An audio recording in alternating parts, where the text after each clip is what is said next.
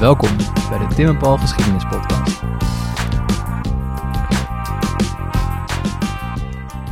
Paul, deel 2 van onze nieuwe serie. Ja, Hoogtepunten uit eh, de tv-geschiedenis of de geschiedenis, op, tv. Ja. Waar heb jij naar gekeken? Nou, ik heb het gebinged, Tim. Ehm, want eh, ik kreeg eh, niet lang geleden kreeg ik een, screenshot doorgestuurd van, van iemand die mij eh, dicht aan het hart staat. En eh, dat was een screenshot zonder context van Ruud Gullit bij een piramide.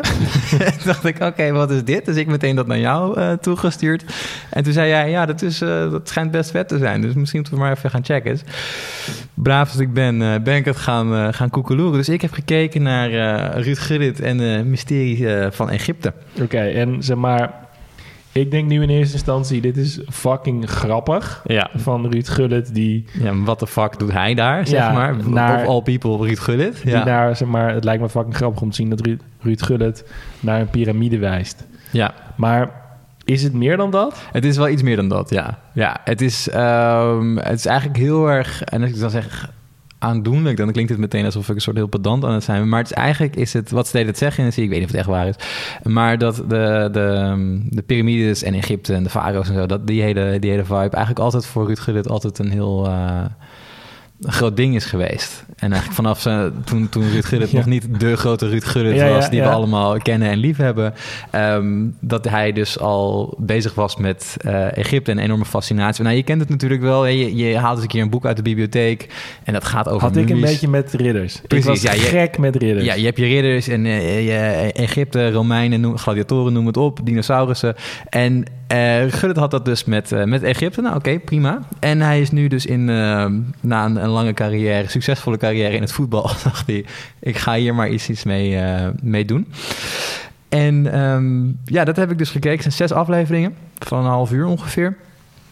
De voice-over wordt ingesproken door Willem de Bruin. En die ken je waarschijnlijk. Van de Opposite. Ja, dus dat, Dat is een hele herkenbaar. En ik had hard, helemaal ja. niet gezien wie dat was. Dus ik denk, hé, die stem ken ik ergens van. Oh, ja, dat is Wim. Ja, leuk. Ehm, dus ehm, dat dit allemaal... Maar is, is ja. dat dan, zeg maar, die, die Willem heeft soms echt, zeg maar, in die film ook toch over eh, die voetballer? Is Ja. dat Catacombe of zo? Ja, die hele nare... dat, ja. die, dat die omgekocht werd als voetballer. ja, ja, ja. Maar daar was hij heel erg in die soort van bijna straattaal-stijl. Het, het hangt een beetje tegenaan. Oké. Het, is, eh, het, is niet, het is geen straattaal in de zin dat het eh, echt met woorden is uit de Mhm. van de straat, zoals wij dat kennen hier natuurlijk. Ehm, maar wel, het is wel duidelijk iemand die gewoon praat zoals het gewoon spreektaal is, zeg maar. Ja, ja, ja, en ja, ja. ehm, dat is ook heel fijn eigenlijk om naar te luisteren. Hoewel ik het- soms de voice-over niet per se heel erg interessant vond. Maar het is wel, eh, denk ik, goed om dat soort stemmen ook te, Maar hoe, hoe werkt dit? ja, ja, het zijn de zes afleveringen en het opent, het opent met Ruud Gullit, eh, die naar Egypte gaat. En daar heeft hij een, goede vriend wonen. En eh, alle eh, mensen die ooit naar Ajax hebben gekeken begin jaren 2000, die weten over welke Egyptenaar ik het heb. Mido. Mido, ja, dus eh, hij gaat naar Mido toe en Mido wordt... Ahmed Mido. Wat was het? Hossam of zo? Awesome, ja. Eh, Mido wordt ook geïntroduceerd als de koning van Cairo. Dus dan zit je, zit je meteen goed. Dus je hebt Ruud Gullit en, en de koning van Cairo zitten in, een, eh, in de auto van, eh, De koning. van de koning. En die krijgen ook meteen politie-escorten, want ze gaan s s'avonds naar het eh, museum. Het museum van Cairo, waar eh, het eh, dodenmasker van Tutankhamon Ah, ligt. ja, ja, ja, daar is ja. natuurlijk allemaal, daar gaat de eerste aflevering ook over, over Tutankhamon en wie dat Ja, want wat, wat, Wat? wat, hoe is het opgebouwd? ja, dit, eh, ik val in herhaling te zeggen. Er zijn dus een het is een documentaire serie. Het is een documentaire serie, ja. En het is eigenlijk, je volgt Gullit ehm, elke keer in een ander aspect van Egypte. Eh, dus elke aflevering staat op zichzelf. En ze vormen wel een, uiteindelijk een completer beeld. Maar elke Ja. aflevering heeft een onderwerp. Dus aflevering 1 gaat over Tutankhamon. Aflevering, eh, ik zeg maar wat er aflevering 2 gaat over mummies. En, eh, en, en, enzovoort, weet je wel. Nummer Ja. 5 gaat over piramides bouwen. Dus het, het- er zit een bepaalde onderwerpselectie in. En het is eigenlijk heel erg leuk, want je ziet dus eerst Gullit en Mido dus avonds naar het museum spelen. Want ze komen dus binnen met een zaklamp. En dan lopen ze daar een beetje rond. Van, nou ja, het is toch wel interessant. En, en Mido is natuurlijk best wel trots maar dat maar hij wat daar... is de rol van Mido? Is hij, ex- nou, is hij expert, gids? Nee joh, nee, die is, vindt het gewoon vet. En hij, hij Maar is hij ook zo into mummies? in Nou, hij Egypte? is Egyptenaar en hij woont daar. En het is een soort... hey, mensen kennen Mido ook nog van vroeger. Dus dat zal wel een leuk bruggetje zijn. Ehm, en, maar wat hij dus doet in die serie, dat is heel grappig. Hij is een soort um, supposed slash museumgids. En ik, ik weet hoe mensen dat doen, want ik ben namelijk ook museumgids. Ja, ja, dus ja. Ik, ik weet een beetje wat daar gebeurt. En dan, dan zie je hem dus precies dat soort dingetjes toen ik... Oh ja, dat... Weet je wel, dat ken ik ergens van. En dat, dus dan gaat hij met, met Gudde... Geef me een voorbeeld. Nou, ze staan dan ergens bij en dan gaat in plaats van dat eh, Mido dan gaat vertellen wat ze zien, gaat hij vragen aan, aan, aan Ruud wat hij ziet. En dan een soort van, eh, nou, eh, wat eh, voel je dan bij? En weet je dat, beetje die, Ja, die, die ja. vibe? Het, Associatief. ja, heel erg zomaar zelf laten nadenken over de vragen en zo. En um, maar dat is heel leuk. Maar ze lopen daar dus met twee zaklampen. En wij weten alle twee natuurlijk dat daar, dat staat stijf van de beveiliging daar. En Ja. weet je, maar daar zie je natuurlijk helemaal niks van. Het lijkt alsof ze echt met z'n tweeën daar, daar zijn. En uiteindelijk gaan ze dan naar het verhaal van Tutankhamon eh kijken. En dat is, ja, dat is niet zomaar uitgelegd wat dat verhaal is, Tim. Want ja, graf, eh, grafdelvingen, eh 100 jaar geleden. En een vloek, toch? En een vloek, ja, daar wil ik het ook zo een beetje over hebben. Ehm, want dat zit ook heel erg in die serie. Die, deze vloek, maar ook zeg maar de mysterieuze zweem van Egypte. Nou, Ja, daar komen ja, we zo nog wel even op. Want dat vond ik echt een heel zwak punt eigenlijk. Ehm, maar ze gaan dus de hele tijd bezig over die Tutankhamon, volgens zijn levensverhaal ook. En eh, over de vader van Tutankhamon. En waarom deze vent eigenlijk belangrijk is. En dat is eigenlijk vooral gewoon omdat hij gevonden is. En zijn tombe was intact en had een heel sick gouden masker op. Ja, dat want- is een beetje het ding. Weten we waarom hij dat had? Ja, hij was farao, was belangrijk. En hij was een van de, enige, een van de weinige tombes die niet eh, gejat zijn of leeggeroofd zijn. Dat heeft met een paar dingen te maken. Ze hebben ook de, de, de ingang naar zijn alles dichtgemetseld en er was een overstroming en zo. Dus mensen konden er ook niet bij komen. Maar dat is dus het bijzondere aan hem is dat ze dus heel veel van hem nog gevonden hebben. Mm. Om, omdat er geen dieven bij konden. Want hij lag begraven in het, eh, weet het, in het dal der koningen. Want eh, je associeert waarschijnlijk farao's met piramides, dat ze daar begraven Ja. liggen. Maar er zijn dus ook heel veel in een dode vallei. Dode vallei. En eh, die zijn natuurlijk, het moment dat die koningen daar begraven worden met al het goud en al die zooi eromheen. Ja, de eerste beste avond komen al die grafdelvers natuurlijk. Die denken, ja, Ja. hallo, dat is ook voor mij. Ja. Eh, dus die zijn allemaal, allemaal eh, leeggeroofd.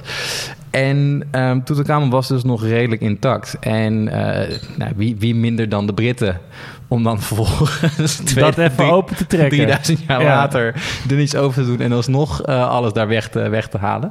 Ehm, gelukkig ligt het niet in het. ehm is het niet allemaal getransporteerd naar Londen naar het British Museum, maar ligt Ja. het daadwerkelijk ook in Cairo. Maar de, de tombe is natuurlijk wel opengemaakt door een Engelse. Ja, maar, ik wil even naar die vloek toe. Want Ja. zeg maar, hoe eh, is dat in die serie? Nou, die vloek is. eh, er staat een tekst boven de tombe van eh, iedereen die hier binnenkomt. een beetje WU-gebeente. Weet je, dat zo- zo'n soort idee. En die vloek komt een beetje uit het, het moment dat, dat Carter, Howard Carter, dus die, die tombe opent. En ehm, binnen een paar dagen, weken, gaan er heel veel mensen uit zijn expeditie gaan dood. Ehm, inclusief zijn eh, patron eh, Lord Carnarvon. Gaat van alles mis mee en er zijn allerlei spookverhalen. Goed, het is 1922, mensen hebben geen televisie... dus je moet wat schrijven in de krant, zeg maar. Dus dat wordt natuurlijk opgepikt en het is natuurlijk spannend. Maar, maar nog even, Ja? heeft Ruud daar een antwoord op? Nou, dat gaan ze dus wel bespreken wat er, eh, wat er aan de hand is. En het is, het, ze, ze, ze gooien het niet per se op het wetenschappelijke... maar ze gooien het vooral op een soort van... ehm, het is eigenlijk een soort van... je moet deze mensen, deze muziek eigenlijk een beetje met rust laten. Dat is een beetje waar ze uiteindelijk op... eh, op ja, maar dat is op zich vind ik wel een mooi idee over toch, toch wel het idee van grafrust, toch? Ja. En zeg maar, je moet ook wel een beetje respecteren hoe die mensen begraven Ja. zijn en dat daar mensen begraven Ja, en dat, dat, zit ook, dat zit er ook heel erg in. Eh, ze hebben het op een gegeven moment ook... Daar staan ze dus ook bij in die, in die tombe... naast het lichaam van, eh van Tutankhamon. En dan... Maar die ligt daar nog steeds? eh, de schedel ligt er nog. Eh, want de rest van Tutankhamon is in eh 18 stukken opgesneden... en uit elkaar gehaald. Natuurlijk. Ja, want er zaten allerlei amuletten in zijn lichaam gestopt. Hè. Als je hem mummificeert, dan snij je iemand open... en haal je alles eruit, stop je er van alles in. Dus dat hebben ze eruit gehaald.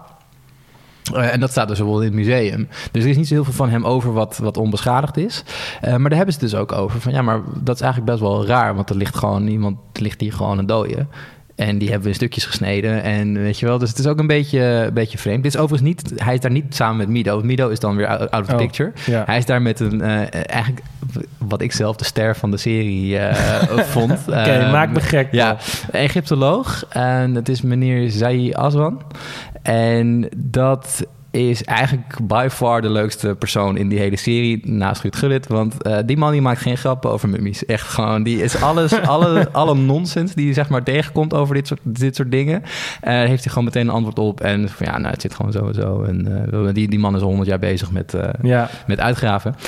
Um, maar goed, het, het, het is natuurlijk wel een moreel dingetje van hé, hey, er ligt een mummie en omdat die 3000 jaar oud is, is het blijkbaar niet meer een mens? vreemd om, hem, om hem weg te halen en open te snijden, weet je wel. En het is natuurlijk altijd een beetje als je in musea bent waar een mummie is of een... een, een, ander, ander menselijk materiaal. precies, dan dat je denkt, ja, dan wordt het een soort freakshow natuurlijk. Ja. En dat, dat is wel... Ik noemde net even British Museum. Als je daar bent, dan staan mensen gewoon die gaan selfies maken met een mummie. En dan denk ja, weet je, als ik dood ben en over 3000 jaar zijn we nog allemaal.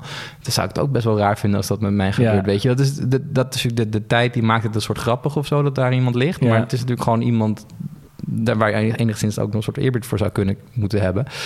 Um, maar daar gaan ze ook wel op in. En het antwoord eigenlijk wat ze geven is van ja, um, eigenlijk op het eerste ogenblik heel flauw van als wij het niet doen, dan haalt iemand anders die tombes wel leeg. Dat is natuurlijk wel een beetje, een beetje een zwak argument. Maar wat zij wel doen is een soort van ja. Maar het is wel zo, Paul. Het is wel het zo. Is wel maar goed, dan kan je ook andere, daar kan je ook andere. Kan je er ook een hek omheen zetten. Precies. Um, dus wat ze doen is ze halen die lichamen eruit als ze nieuwe vinden. Dan maken ze er allerlei scans van, dan maken er aantekeningen van en dan plaatsen ze weer terug. En met een idee van, nou, dan weten we in ieder geval, hebben we geregistreerd ja. hoe oud deze persoon was, man, vrouw, wanneer ze waar, weet je wel.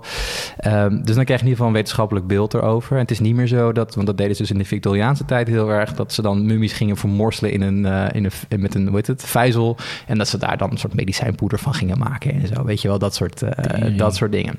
Ja, goed, die vloek, er gaan dus allerlei mensen aan dood, maar wat het natuurlijk gewoon is, is, ja, je gaat een kamer binnen die 3000 jaar oud is, niet open, dat, daar staat nogal, ik weet niet of je wel, zeg maar, te lang in slaapkamer niet hebt laten luchten.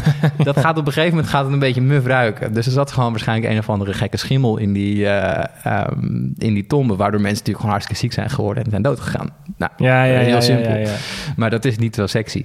Um, ja. Maar nog even, ik, ik, had, ik heb het voorstukje gekeken. Ik heb me voorbereid vandaag. Ja. Ik heb uh, de trailer gekeken. En dan zie je ook Ruud Gullit handen wrijvend in een hotel naar mummies wijzen. Ja. Dat is ook al wel lachen. Maar um, je ziet ook een guy... En dan kom je toch weer bij de vrienden van, van History Channel uit. Ja. Aliens. Ja, ja, dat zit een beetje aan het einde. En het, het, het moet eerlijk zeggen dat... Uh, ja, dat viel me wel een beetje tegen. Um, want er zijn natuurlijk heel veel dingen, zoals, zoals het altijd gaat volgens mij met archeologisch onderzoek, waar je gewoon nog geen antwoord op hebt, omdat niet alles is opgegraven. Ja. En, uh, en volgens mij iedere historicus die iets doet met oude geschiedenis, die zal het uh, kunnen beamen. Je weet Ja. gewoon niet alles wat er is, want er gewoon heel weinig is overgebleven. Ja. Dus wat gaan mensen doen? Die gaan dingen invullen. En dan is het heel makkelijk om te zeggen: ja, nee, dat zijn aliens. ja, terwijl eigenlijk. Nee, eh, maar, ja. maar Paul, nu, volgens mij maak je het nu al iets te makkelijk. Want het is ook bijvoorbeeld met, toch met Stonehenge of zo. Ja, Zeg maar, er zijn dingen die niet helemaal verklaarbaar zijn in de zin van... En ik ben nu ook niet een soort van zweverig eh, yoga-type. Maar het zijn wel zo'n... Zeg maar, het is toch met, met Stonehenge, met dan de zonnewenden... dat alles in een soort lijn staat eh, met elkaar. In een soort, weet niet precies. dat weet ik ook heb niet. ik ook niet voorbereid. Maar er zijn toch, het is toch wel vrij absurd om gewoon zo'n ding Tuurlijk, te maken. tuurlijk. En dat En het dan ook zeg maar in de verhoudingen helemaal klopt. Ja, en de- die vraag stellen is natuurlijk al relevant genoeg. Want dan denk ik van, ja, maar waarom, überhaupt, waarom doen ze dit? En hoe is het gebeurd, zeg maar? Eh, en dat, daar gaan ze ook echt wel op in, hoor. En, en, en dan- ik noemde net die, die Egyptoloog. eh, en die Ja. heeft daar gewoon, gewoon hele goede, fatsoenlijke antwoorden eh, voor. Bijvoorbeeld, ja, die piramides bijvoorbeeld, die zijn gebouwd. Ja, waarom, wa- hoe krijg je mensen zover om zoiets te bouwen? Ja, als ze al met z'n allen geloven in iets... Hè, het, het, het op dat moment... die zegt dat wij eh, piramides moeten gaan bouwen... dan krijgen die mensen wel voor elkaar om dat te gaan doen. Het zijn allemaal significante bou- bouwdingen. En hoe ze dat uiteindelijk in de praktijk hebben gedaan... ja, ik, kan dat, ik weet dat niet, maar... eh, nee, maar het lijkt wat dat betreft toch wel op zeg maar de, kat, de kathedralenbouwers. ja, Die toch ook gewoon hele grote kerken hebben gebouwd. Wat je ook niet echt eigenlijk zou kunnen. Nee, en, en hij geeft op een gegeven moment geeft hij een beetje een parallel. Hij, zegt, eh, hij vraagt dus ook aan, aan, eh, aan, aan Gullit van... Ja, Michelangelo, maakte ook hele mooie dingen. Die kunnen we ook niet, meer na, niet echt meer namaken, zeg maar. Of weet, ja, weet, weet je wel, hoe komt dat? Ja, omdat die man geloofde in wat hij deed en had een bepaald hoger doel mee, zeg maar. Dus dan kan je boven jezelf uitstijgen. Weet Ja. je, dat soort, dat soort vibes zit erin. En het was wel heel fijn om te merken dat het gewoon een beetje onnuchterend, een hele onnuchterende vent was. Want er zitten dus ook een aantal personen in die eh, dat niet zijn. En het is ook goed om daar ook bij stil te staan, want die bewegingen zijn natuurlijk ook. Hè. Dus Ja, want wat is het alien-argument? nou, er is bijvoorbeeld dat ze dus niet, eh, ehm, eh, hoe heet het, die piramides kunnen, kunnen bouwen. En dat ze precies op de lijn staan, de drie grote piramides van eh Cheops en Khofre. En die andere ben ik even vergeten. Giezen? Ja, dat is de plaats waar ze, waar ze staan. Ja, goed. ja, heel scherp. Ehm, en die zijn dan precies in de lijn met de, de drie sterren in de riem van Orion, zeg maar. Die staan daar precies onder. Ja, dat is Nee, dus dat is knap. aliens. Ja, nou ja, dat is dus een beetje de vraag, hè, Tim? en ehm, eh, er zit dus één, één guy bij die zegt... ja, nee, je moet even buiten de box denken. En ze hadden gewoon anti-zwaartekrachttechnologie. Ja, dan, dan ben ik wel redelijk snel afgehaakt, zeg maar. Ehm, Maar ik snap ook niet hoe dat dat probleem zou oplossen. nou, want dan kan je die, die, die blokken van 100.000 kilo steen... die kan je dan wat makkelijker verplaatsen, zeg Als een maar. soort Obelix. Ja, Ja, precies. ja, Ja, ja, ja, dus dan kan je lekker... Dat scheelt voor je rug ook, weet je wel. Nou, dat, dan, dan ben ik wel vrij snel eh, klaar. Ehm, maar tegelijk wat ze dus wel de hele tijd doen... is soort van... Oké, we laten een of andere eh, New Age persoon iets hierover zeggen... en de persoon die bij de piramides werkt. Dus een, eh, de conservator of de, Ja, de ja, ja, Egyptoloog ja. of de wetenschapper, academicus. Ehm, en dat is allemaal wel, wel heel erg... Op zich heel. Het is allemaal redelijk basisniveau Egyptologie, zeg maar. Ik heb vrij weinig tot geen verstand van het oude Egypte. En ik heb niet heel veel hiervan geleerd, zeg maar. Dus, dus het is wel een beetje... eh, als je ooit op je achtste, zevende, achtste... een eh, Asterix en Obelix gaan naar Egypte toe hebt gelezen... dan zit je een beetje op dit niveau. Maar vond je het vet? nou, wat ik leuk vond is, zeg maar, qua, qua dingen leren heb ik er niet zo heel veel van opgestoken. Maar wat ik wel echt tof vond, het is op een gegeven moment is er een aflevering. Ehm, dan gaan ze naar Nubië, dat is in het zuiden van Egypte. En dan is er een beetje de vraag over eh, welke huidskleur farao's en Egyptenaren hadden. Want wij hebben een beetje een idee, Cleopatra, weet je, heel erg wit. is. Maar dat was een Griek, Cleopatra. Ja, ja, ja. En ja, ja, ja. eh, er komen natuurlijk ook mensen vanuit... Egypte ligt in Afrika en die Nijl die is verschrikkelijk lang. Dus er komen ook mensen uit, eh, niet wat we nu natuurlijk... En een rivier is natuurlijk ook gewoon een verbindings. Precies, dus als jij helemaal in het zuiden Ja. woont... is het vrij makkelijk om vanaf daar naar eh, het noorden te gaan... ehm, dan de Sahara over te steken, zeg maar. Ja. Dus je bent daar, een stuk, daar zit veel meer eh, connectiviteit in. Dus op een gegeven moment zijn er dus ook echt opmerkingen over... van ja, goh, maar zijn er dan ook zwarte farao's? Nou, dat is dan een beetje toch in vragen of dat dan zo is. En, en Gudde, die, het is natuurlijk wel een man die ook in zijn werk daarnaast hiermee bezig is. En Dus die heeft daar hele goede vragen over. Op een gegeven moment gaat hij dan praten met een Amerikaanse man... Ehm, die is dus vol van overtuigd dat eh, alle farao's, eh, eh, bijvoorbeeld Ramses, toch de belangrijke, Ramses tweede, een van de belangrijkste farao's, allemaal zwart waren. En dan als counterpoint, en dat is iemand die wij ook moeten hebben voor de podcast, denk ik, dat is de Egyptoloog van ehm, Oudheid, Museum der Oudheden. Dat is Daniel Solomon. Oké. De Salomon. En ik zal nog even opzoeken en een mailtje sturen. Ik hoop niet dat hij deze aflevering gaat luisteren. Maar die heeft echt enorm goede tegenargumenten daarvoor. En ook vooral de, niet eens eh, tegenargumenten van nee, het klopt niet. Maar vooral van als je dat gaat doen, dan als wetenschapper kom je dan in een gevaarlijk veld. Want dan ga je misschien mensen rangschikken op hun huidskleur. Of, eh, daar zit een hele interessante discussie aan. Dus dat raad ik zeker aan. Ehm, en er wordt de hele tijd een soort tegenstelling van wetenschap ten opzichte van New Age Ja, ja, ja, ja, gegooid. En ik zit natuurlijk iets meer aan de kant van de, van de wetenschap daarin. Ehm, maar het is wel goed dat er ruimte is voor alle twee, maar dat het niet... Heel af en toe vliegt het een beetje uit de bocht. Ja. Bijvoorbeeld dus met die anti-zwaartekracht eh, technologie. en Ja. weet je, dan denk ik van, nou, dat gaat niet heel erg eh, de goede kant op. Ehm, en het sluit ook af met eh, de, de, de schrijver van ehm, eh, uit de jaren 60, geloof ik. Ehm, en die, die heeft het, het bekende boek geschreven over dat eh, de Egyptenaren contact hadden met aliens, zeg maar. dat, een beetje dat ja, verhaal. ja, En ja. dan vind ik het wel wat zwakker worden. Ehm, maar het gaat me echt wel een soort van de... Wat eigenlijk het allerleukste is, is gewoon Ruud Gullit zich constant zien verbazen. En een soort... Je ziet gewoon aan hem dat hij alles wat hij doet mega interessant vindt. En zijn enthousiasme is natuurlijk ontwapenen. Ja, en eh, weet je, ik heb Gullit ooit één, ik heb hem één keer ontmoet. En hij is de enige persoon in mijn hele leven waar ik ooit starstruck door, uh, door Ja, was. Dus- zegt, zegt dat nou iets over jouw leven? Of dat over- zegt ook iets over mijn leven. Maar ik heb best wel wat... Ik heb bij het Anne Frankhuis gewerkt, dus dan kom je wel eens mensen tegen. En bij, bij Gullit was de enige waarvan ik echt gewoon weer niet meer wist wat ik moest zeggen. En het is gewoon een hele aardige, imposante man, zeg maar. Heel veel. Misschien moeten we hem eens vragen voor Het zou heel leuk zijn. Want ik, ik heb een laatste vraag, Paul. Ehm, zijn we erachter gekomen waarom hij dit zo vet vindt? Wat, wat boeit hem hier zo in? De, de fascinatie van... Ja, maar dit is de nieuwsgierigheid misschien. En de, de, soort van, de, de wereld hier ver, ver weg vandaan. Ehm, wat ik nog wel even wilde zeggen hierover is... ehm, er zitten allerlei dus wetenschappers in. eh, serieuze mensen die hier worden gebruikt. Maar het, het leuke is ook dat iedereen gewoon constant blij is om Ruud Gullit te zien. Bij iedereen die die tegenkomt is het soort van... Ah, wat een, weet je, en hij is heel beleefd en heel aardig naar al die Egyptologen en zo. Ja, van, ja. nou, professor, Huppelepup, wat, eh, wat aardig doet hij. Ja, Gullit, weet je wel. Komt op een gegeven moment komt hij bij de guy die de, het soort van de directeur van de piramides is. En ook een hele vette baan. Zo ja, En die, zit, die komt dan, Ruud Gullit komt aanlopen. Zegt, ja, ik zat net nog een wedstrijd van je te kijken. Je, op zijn telefoon. Nu sta je hier. Het is echt eh, heel space. Het is echt superleuk. En ehm, uiteindelijk... eh, en dat is misschien een beetje voorsorteren op een, op een ander seizoen. Een soort van, ik hoop dat hij een soort Gullit gaat allerlei andere dingen onderzoeken. Ehm, dan zie je hem de laatste scène en dan doet hij zijn ogen dicht. Dus hij aan het mediteren over de, over de Egyptenaren. En dan krijgt hij, eh, krijg je door, het, door het beeld krijg je allerlei flitsen van Stonehenge. En eh, de Nazca-lijnen in, in Peru en de Maya-tempels, weet je wel, dat soort dingen. Dus er zitten gewoon heel veel nog dingetjes aan. Dus Oké, let's go, Ruud. Wij gaan hem Eh, volgen. Ja, precies. Dus eh, als Misschien wil hij ook wel een keer te gast komen. ik weet niet wat zijn uur is, Tim. Maar goed. Dat brengt op ons ja. iets. Ja? Petje. punt. Nee, dat niet meer. Dat is petjeaf.nl geworden. Oké, just saying. Ja, want petje.af is de, af is de Afghani Oké. webdomein. Eh petjeaf.nl. Je mag altijd eh, Doneren. doneren. Zodat we Ruud Gullit in de podcast Ruud kunnen- en, en dat wij veilig de kerst door, door kunnen komen.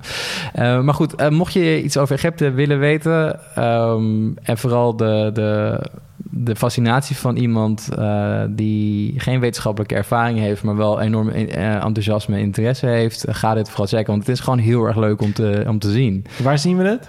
Het is op Amazon Prime. Oké. En dat vind ik wel jammer, want ik heb een beetje een boertje dood aan Amazon. Maar goed, dat, dat is mijn Dat neem je maar even voor Nee, moet je even voor nemen. Ehm, dus daar is het op, op te zien. Ja. Oké, vet.